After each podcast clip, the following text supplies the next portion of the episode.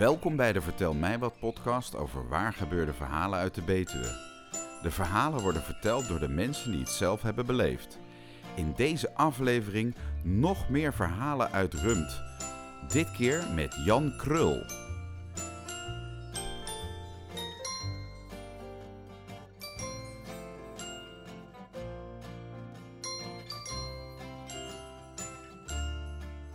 De mensen die moeite hadden met Rumt, Gelk, beest, die moeite heb ik niet. Want, wat is het feit? Ik heb het geluk gehad, mijn wieg stond in beest. Mijn moeder kwam uit Gelkum en ik woon bijna drie kwart eeuw in Rumt.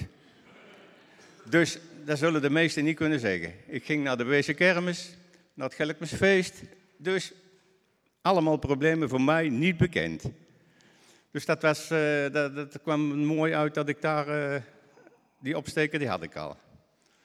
Maar goed, en dan kwam daar nog bij, wat vanavond ook een hele grote, de eerste spreker van vanavond, die ging ook wat verder van huis. Ik dacht, ja, het moest over de Betuwe gaan, dus ik mij helemaal zitten prepareren op de Betuwe.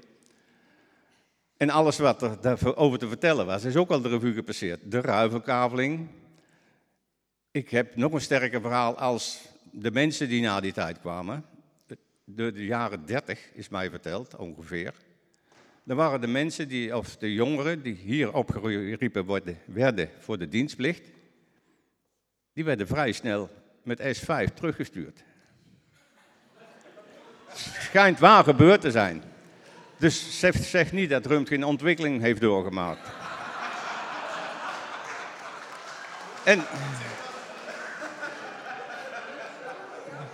En het, is, uh, het schijnt echt gebeurd te zijn. Ik heb het uh, uit de volle, voor de volle 100% uh, eh, horen vertellen. Ook het verhaal voor de vakantie. Ja, ik dacht, nou, die man vertelt het verhaal over de vakantie. En ook mevrouw, hoe heet ze ook weer? De Bruin. Zo heette mijn moeder trouwens ook. En ja, ook een verhaal. Ik dacht, ja nou, misschien kom ik daar ook toch wel overheen. Ga het proberen. Ik ben nooit zo ver geweest als de eerste spreker van vanavond. Die heeft ook heel veel meegemaakt, die meneer. Maar ik heb uh, jaren vijf terug met mijn zoon een, weer een, of een reis gemaakt van zeven weken door Zuid-Amerika. Die woonde toen in Noorwegen en die zat bij een hobbyclub van auto's. Hij zegt, pa, we gaan uh, met uh, vier Renault 4'tjes gaan we van Ushuaia naar helemaal bovenin uh, in, uh, kom nou. Nee, hoofd nog verder. Chili, de bo nee, het bovenste land. Allemaal, allemaal gaat. Maar goed, we zijn er gekomen. Maar wat was het geval?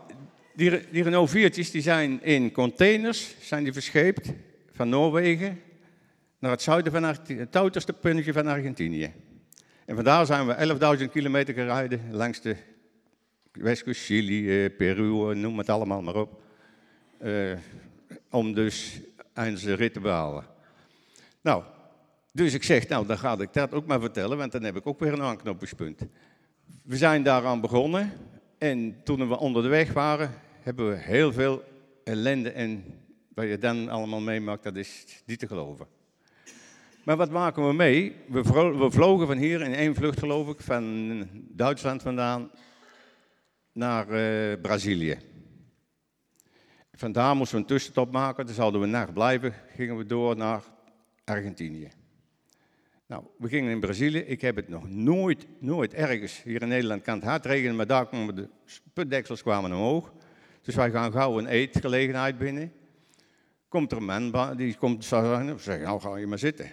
Nou, begint praten met, hand, met voeten en uh, handen en voeten zoals het werkt. Waar komen jullie vandaan? Ja, Nederland. Oh, nou.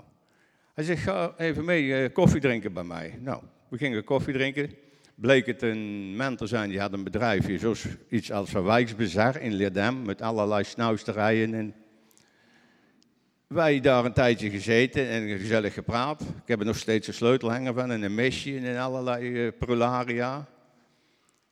En wij weer verder naar Argentinië. We zijn daar vier weken later, zijn we daar. Want we moesten weken wachten voordat die auto's er waren. Heeft een week geduurd voor ze uit de containers waren. En we gaan s'avonds daar wat eten in een restaurantje. En ik zeg nou, en dus zo, ja, er zit toch zo, zit vier weken later zit diezelfde man in datzelfde restaurant met kennissen te eten ook. Ik zeg nou, dus dat is nog iets verder weg als uh, Duitsland en uh, noem maar op. Dus dat was dat. En dan de rode draad door de muziek. Ik dacht, ja, als ik daar niet overheen kan komen, dan breekt mijn klomp helemaal. Want ik zit er dit jaar, heb ik zelf de eer gehad dat ik er 65 jaar bij zit. Dus er zijn er ook nog niet zoveel die het dat van me winnen. En dat beetje mist van Kees, dat redt het ook niet. Want wat wij maakten, dat was dat als we dezelfde Sinterklaas die lied het over had. Want ik heb het allemaal op een hoop geveegd en daar een verhaal van gemaakt. Dezelfde Sinterklaas van lied, die gingen wij inhalen. Maar we konden geen oud blazen met de vertielen die voor vast. Dus ja, en zo ging het toen allemaal. Nou, dat, dus dat was dan de Sinterklaas die was binnengehaald. En toen gingen we ook nog eens een keer, moesten wij ome, dus Gelkum ook erbij, bij ome Tienes. We hebben een Gelkumse in de zaal, die snapt het helemaal. Ome Tienes werd 90 jaar. En wij moesten een serenade gaan brengen, of moesten, we zouden een serenade gaan brengen bij ome Tienes. Dat was, uh, dat was in. Maar koud, koud. En we waren er niet zoveel, want die kon of die wel kon, die had geen zin, die vond het te koud. We zijn er naartoe gegaan en uh, ja, we kregen toch mooi 100 gulden dat we er geweest waren. We zeggen, jongens, het is zo koud en we zijn aangestoken bij de remketting, het café wat er toen ook bestond. We hebben het allemaal opgemaakt. En dat, uh, dat is ons... En daarom zit ik nog steeds zo lang bij de muziek. en zo, en zolang het me gegeven is, en tot heden toe zeg ik altijd, behoor ik tot een van de meest gezegende mensen op aarde, wat ik allemaal nog doe en kan doen. En ik hoop het nog lang te blijven doen. Dank je wel.